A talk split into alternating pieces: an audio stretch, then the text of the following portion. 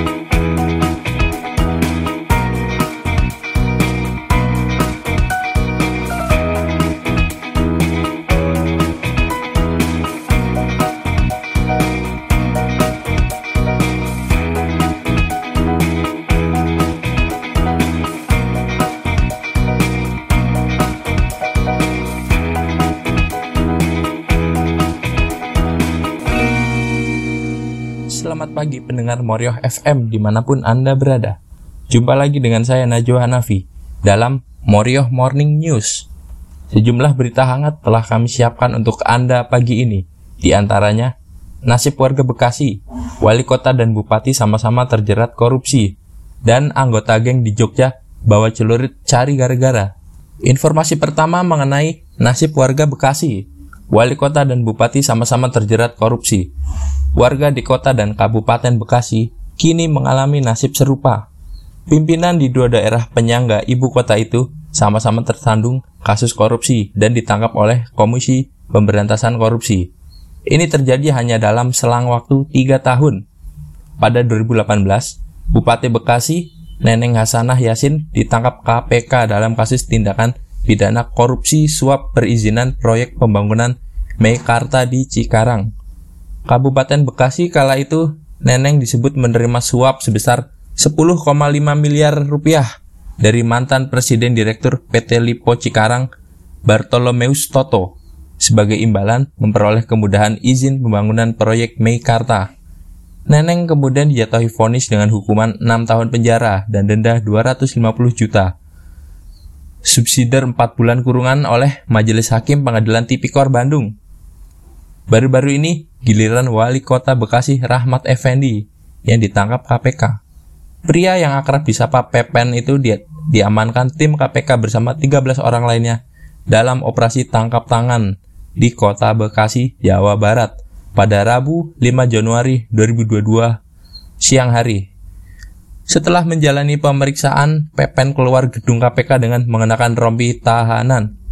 Pepen kini telah ditetapkan sebagai tersangka suap pengadaan barang dan jasa serta lelang jabatan di lingkungan pemerintah kota Bekasi.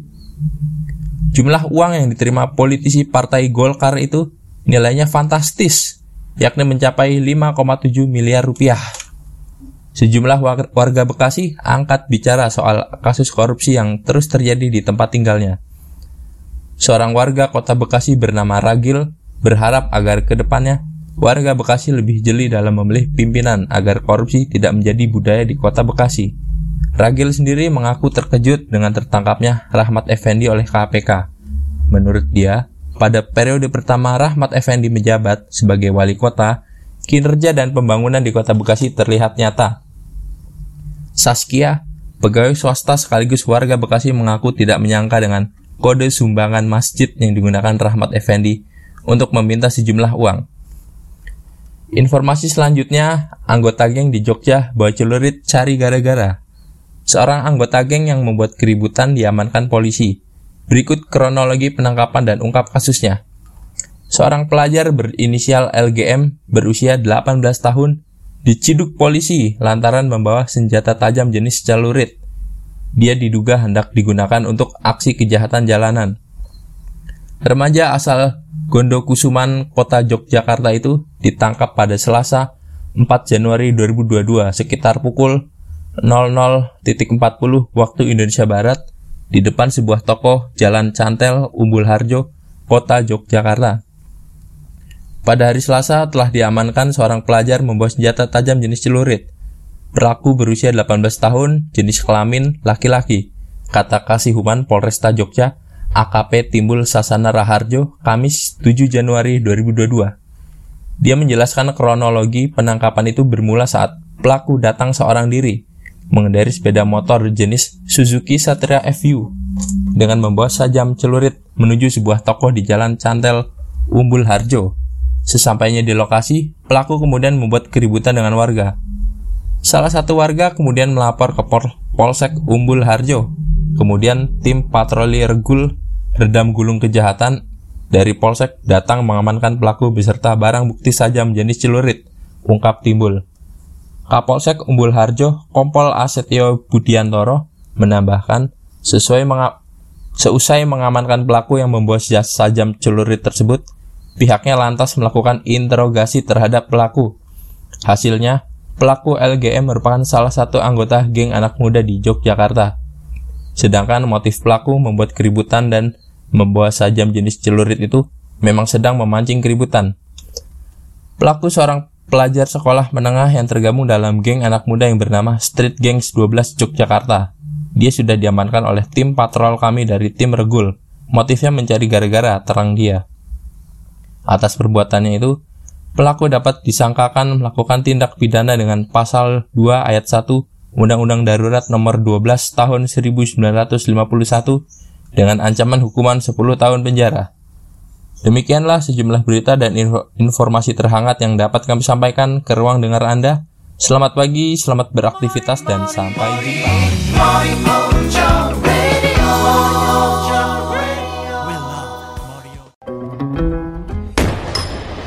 Sakit kepala,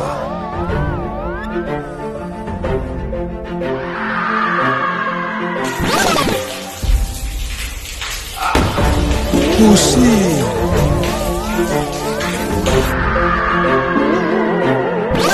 mengganggu aktivitas. Nih coba. Osakem, obat sakit kepala.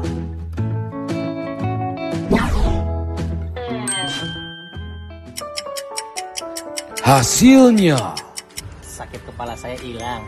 Terima kasih Osakep. Osakem, obat sakit kepala. Oh beda. Selamat pagi para pendengar Morio FM di mana pun Anda berada. Selamat datang di acara Gacor Podcast.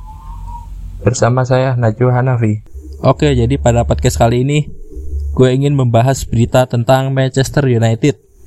Yaitu pertandingan antara ya yang kalian semua pasti tahu Manchester United melawan Wolverhampton ya. Hasilnya adalah MU kalah 1-0 ya. Tendangan Joao Moutinho pada menit ke-82 mempersembahkan kemenangan pertama bagi Wolves di Old Trafford sejak tahun 1980 dan membuat tim asuhan Bruno Lark itu naik ke peringkat 8 klasemen. Oke, jadi pada pembahasan podcast kali ini saya tidak sendiri, saya sudah ditemani oleh Mas Toeng.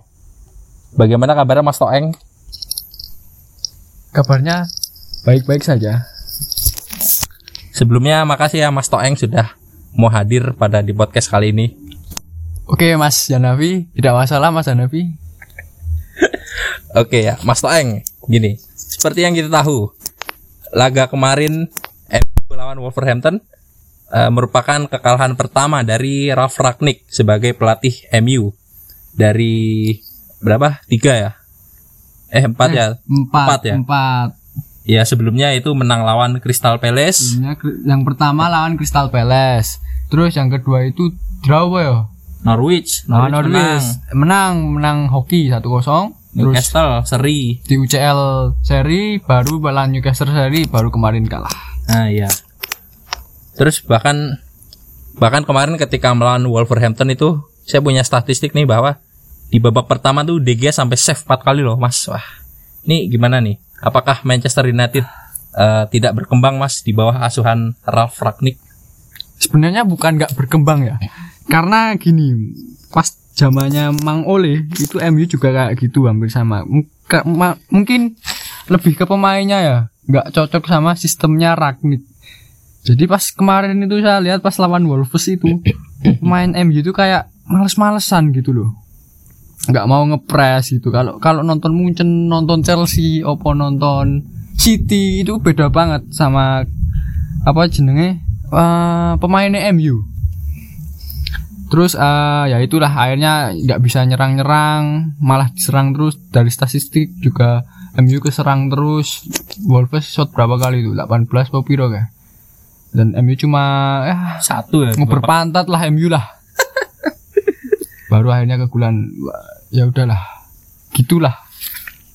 Menurutnya lebih faktor ke pemain bukan ke pelatih. Pemain tidak bisa menjalankan sistem dari pelatih. Seperti itu kurang lebih Mas Anam. Oh, seperti itu, Mas Toeng. Jadi eh, dengan kedatangan Ralf Ragnick ini apa ya bisa Benar, dibilang sudah bisa mengangkat eh, apa ya harapan para fans. Tapi sepertinya eh, tidak cocok. Eh bukan nggak cocok sih belum bisa me, men apa ya meningkatkan kepercayaan diri pemain. Karena kan ya di zamannya Ragnik ini kan beda banget sama zamannya Mas Oli gitu. Mang Oli kan kalem senyum-senyum. Kalau zaman Ragnik kan keras gitu. Oh. jadi perlu adaptasi sebenarnya. Oh, seperti itu toh. Oh, Berarti wah, bisa dibilang eh kedatangan Ralf Ragnik ini tidak langsung bisa apa mendongkrak Ya. kualitas permainan Ragnik tim bukan tukang sulap. Ingat. dan menyelesaikan masalah di lapangan ya. ya, betul. Ya, dan kekalahan melawan Wolves kemarin itu itu terjadi di kandang loh, Mas. Dan sebagai laga pertama di tahun baru 2022. Nah, ya menurut Mas Bambung itu MU layak kalah nggak di pertandingan kemarin Kalau melawan dari lihat Wolves? permainan kemarin itu sebenarnya eh, ya kalau versi sebenarnya MU sangat layak kalah ya. Karena ya dari line up aja sebenarnya walaupun laptopnya sama yang kayak yang diturunkan pas lawan pas lawan apa ya? Eh, Newcastle. bukan, bukan. Apa? Eh, oh, lawan Newcastle ya yang yang 4-2-2-2 itu. Oh, formasi 4-2-2-2. Ya, Oh, ya ya ya. sebenarnya ya pas lawan Wolves pun kelihatan banget MU nggak bisa nerapin itu terus hmm, pressing juga nggak kelihatan nguber pantat dan kayak nggak ada gairah gitu mainnya kurang lebih seperti itulah ya kalau dari statistik sih sebenarnya MU layak kalah Oh, ya Dan- ya ya. ya gitulah sebenarnya itu. Berarti itu MU ya walaupun punya ya bisa dibilang punya kualitas tim yang lebih baik dari Wolverhampton, kualitasnya Tapi- sangat jauh sekali sangat bagus sekali MU bahkan tapi mereka tidak bisa bermain sebagai bahkan tim. bahkan sama Arsenal pun kualitas pemain MU itu lebih bagus tapi nah akhirnya juga ya tidak bisa pemain tidak bisa menerapkan apa yang diinginkan pelatih akhirnya seperti itu. Arsenal sekarang malah jauh lebih bagus lagi. Hmm. Oh, seperti itu. Padahal kualitasnya beda. Bahkan eh, eh, Liverpool pun kualitas pemain MU sama Liverpool sebenarnya hampir sama malah eh, lebih sedikit bagus MU tetapi lihat saja MU sama Ipul mainnya beda banget. Karena murni dari segi eh, pemain yang ya pemain tinggalan. Mang Oli ini kan kayak letoy-letoy gitulah sekarang gajinya do, gajinya eh gajinya itu akeh tapi ra gelem main ngono lho ra semangat ngono lho sopo kae lah akeh banget gitu kurang lebih mas Oh, seperti itu toh, Mas Toeng. Tapi menariknya nih ya, saya sempat baca-baca juga eh, beberapa pengamat itu menganggap masalah di MU ini dimulai sejak kedatangan Cristiano Ronaldo. Apakah Mas Oh, Toeng saya tidak setuju? Saya tidak setuju. Karena melihat kontribusi Bang Do di MU itu eh, sangat terlihat sekali. Bahkan di UCL pun Bang Do sering kali menjadi pahlawan MU itu. Jadi kalau mungkin eh, faktor Bang Do sebenarnya tidak mungkin. Eh, mungkin karena faktor pemain lain ya, ruang ganti yang tidak kondusif dan ya yang lainnya. Seperti itu kurang lebih. Oh iya, ter- seperti itu toh. Oh, mantap mantap. Sekarang kalau kita melihat ke klasemen eh, sementara ya Mas, rasanya kalau MU gimana ya? Kalau kalau dibanding dengan Arsenal, nah kan Arsenal kan secara peringkat itu sedikit lebih baik dari Manchester United saat ini ya. Ya oke. Ya kedua tim memang ya bersaing ketat tapi Ah. nasibnya beda gitu loh Mas. Ya. Arsenal kan ada di peringkat 4. Nah, sekarang MU ada di peringkat 7. Sebenarnya kalau mau jujur ya, mau fair itu sebenarnya sekarang itu eh apa? eh apa jenenge? Nek apa? se sebenarnya itu MU apa? Pesaing utama MU itu bukan City, bukan Liverpool atau Chelsea. Sebenarnya pesaing utama MU untuk musim ini lebih ke Arsenal. Padahal kualitas pemainnya pun eh, lebih baik MU ya, tapi kalau boleh bilang sekarang MU malah eh, kayak bersaingnya cuman kayak sama Arsenal doang gitu. Dan Arsenal pun juga sekarang tampil lebih baik ya. Walaupun kemarin sempat kalah lawan City, tetapi ya bisa nyerang kayak saya lihat eh, lumayan beda lah mainnya. Jadi ya kalau bisa MU harusnya lebih bagus lagi loh. Tapi kok kayak gini, jadi saya cukup kecewa sebagai fans MU. Oh, MU ngeri FC. berarti sebagai fans MU, Mas Toeng ini setuju nggak Arsenal saat ini tuh lebih baik dari MU? Eh, untuk saat ini ya, eh, untuk minggu ini mungkin minggu ini. Iya, minggu saya ini. Setuju. Eh, Arsenal ya lebih layak lah dari MU untuk eh, dari segi peringkat pun sebenarnya Arsenal juga ya lumayan lah layak untuk di atas MU seperti itu kurang lebih. Oh, ya seperti itu lah. Dan juga nih kemarin nih Mas Toeng, eh, untuk pertama kalinya ya nih akhirnya Phil Jones memainkan pertandingan Premier League pertamanya sebagai starter Ya, untuk menggantikan Harry Maguire. Setelah 700 hari lebih. Oh, 300 Hampir dua lebih. tahun lebih itu. Iya, Oh, iya. dua tahun lah. Tuh ngapain aja tuh? Akhirnya keluar gua dia, Mas. Ah, gini sebenarnya Phil Jones kemarin main karena backnya pada cedera semua ya. Banyak yang cedera Bailey, Maguire, terus Lindelof. banyak yang kena covid. Akhirnya Phil Jones main. Dan di bench pun kemarin pas lawan Wolves tidak ada center back sama sekali. Jadi mau nggak mau akhirnya Phil Jones main. Ya walaupun eh, di awal-awal babak pertama itu mainnya lumayan intercept intercept ya lumayan lah bagus lah. Bahkan eh, menjadi main yang mencolok. Oh. Walaupun akhirnya di babak Ya, kedua blunder. Blunder. Walaupun itu sebenarnya bukan blunder, error Kenapa? itu. Eh, gol jatuh dari jatuh Human dari error. langit. Gol jatuh dari langit karena ya kan apa menyapu bola keluar ya kok dilalah ono Moutinho di shoot gol. Oh, iya betul betul. Tapi betul. sekarang overall Will Jones bahkan menjadi man of the match menurut saya di pemain itu. Eh di match itu. Untuk MU tapi yo. Karena ya karena itu. Karena MU keserang terus bahkan em, di depan tumpul tidak ada ngepres cuman Bang Do itu sering berusaha baru ke babak dua itu Bruno main nah Oh, itu baru agak ada gambaran menit sebenarnya. 70 ya, Mas. Ya, Heeh. menit 70 itu Bruno main, 70-an. baru ada skema main yang jelas gitu. Bahkan sempat gol tapi offset kan Bang Do? Oh, oh, sundulan Ah, toh, no, yo. sundulan. Oh, Sundulan. sundulan. Offset walaupun se seumplik doang sebenarnya tapi ya itulah yang namanya sepak bola apa pun bisa terjadi. Terus sebenarnya di babak kedua itu sebenarnya MU harusnya bisa ngegolin minimal satu lah harusnya harusnya. Kalau ya fair fairan sih sebenarnya match itu harusnya draw ya. Tapi ya MU tetap layak kalah karena mainnya nggak sesuai diharapkan dan tidak bisa menjalankan instruksi pelatih. Seperti itu kurang lebih Oh. Berarti menurut Mas Toeng ini performa Bill Jones ini oke lah ya. oke Kalau dibanding Maguire gimana? Eh, kalau dibanding Maguire di musim ini apalagi match-match terakhir ini Sama aja. eh belum bisa terlihat karena Phil Jones kan baru main satu match ini kan Oh, jadi iya. bisa dijadikan parameter. oh, Tapi betul, kalau betul. melihat Maguire main beberapa match ke belakang itu sangat lolok sekali. Sangat sering lah Pak. Ya mungkin karena faktor kelelahan juga starting terus. Human error juga. Nah, seperti itulah. Oh, oke. Apalagi Varane juga cedera, terus Lindelof juga nggak konsisten. Ya, Rota. Sopo cok gak rotak cok. Nah, seperti itulah backnya MU lah.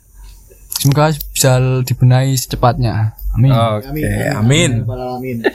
Dan sekarang nih kan Mas, eh, sekarang kan bulan Januari nih ya. Lagi apa? Winter transfer ya sekarang ya namanya ya.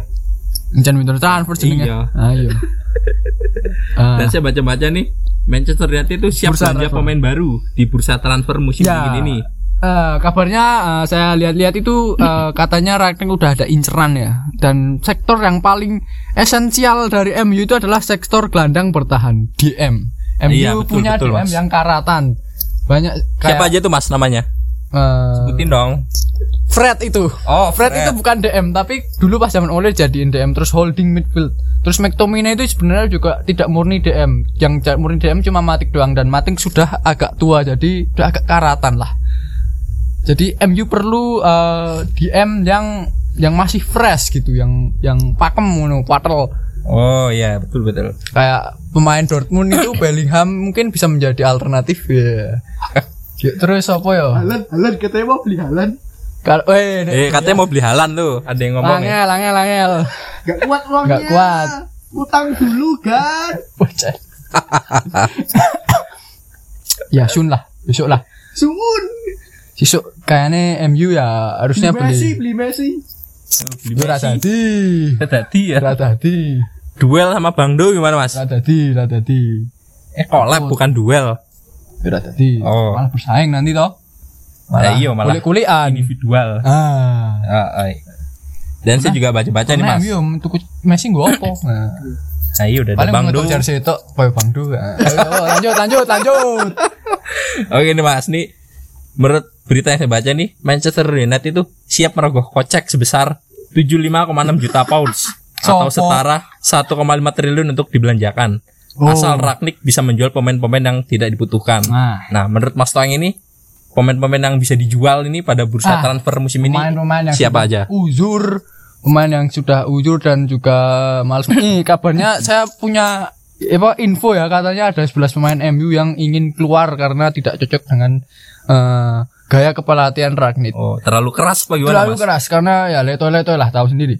Terus nah, yang uzur-uzur itu harus apa dijual ya Siapa? buang tendang-tendang aja lah buang aja lah Seperti Phil Jones tuh kemarin bagus Mas. masih Lah, bisa jadi jangan? alternatif Udah uzur deh Mas. yo Rung Patio lah Oh, iya, lumayan iya, iya.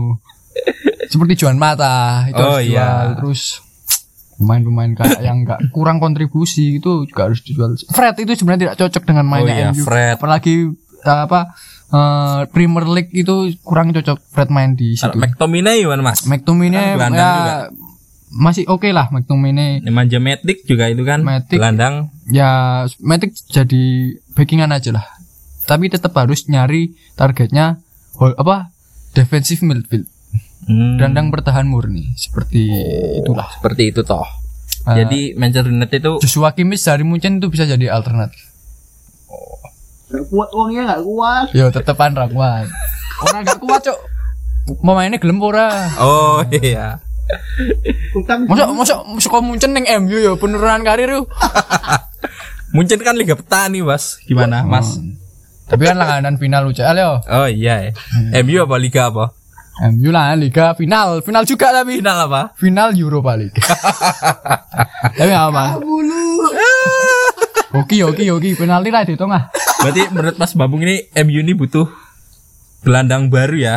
Ya, Gelandang. eh, sekarang lihat tim-tim lain udah pada gerak beli pemain. Eh, ini terbaru ini Aston Villa baru minjem Coutinho ah nggak tahu kan?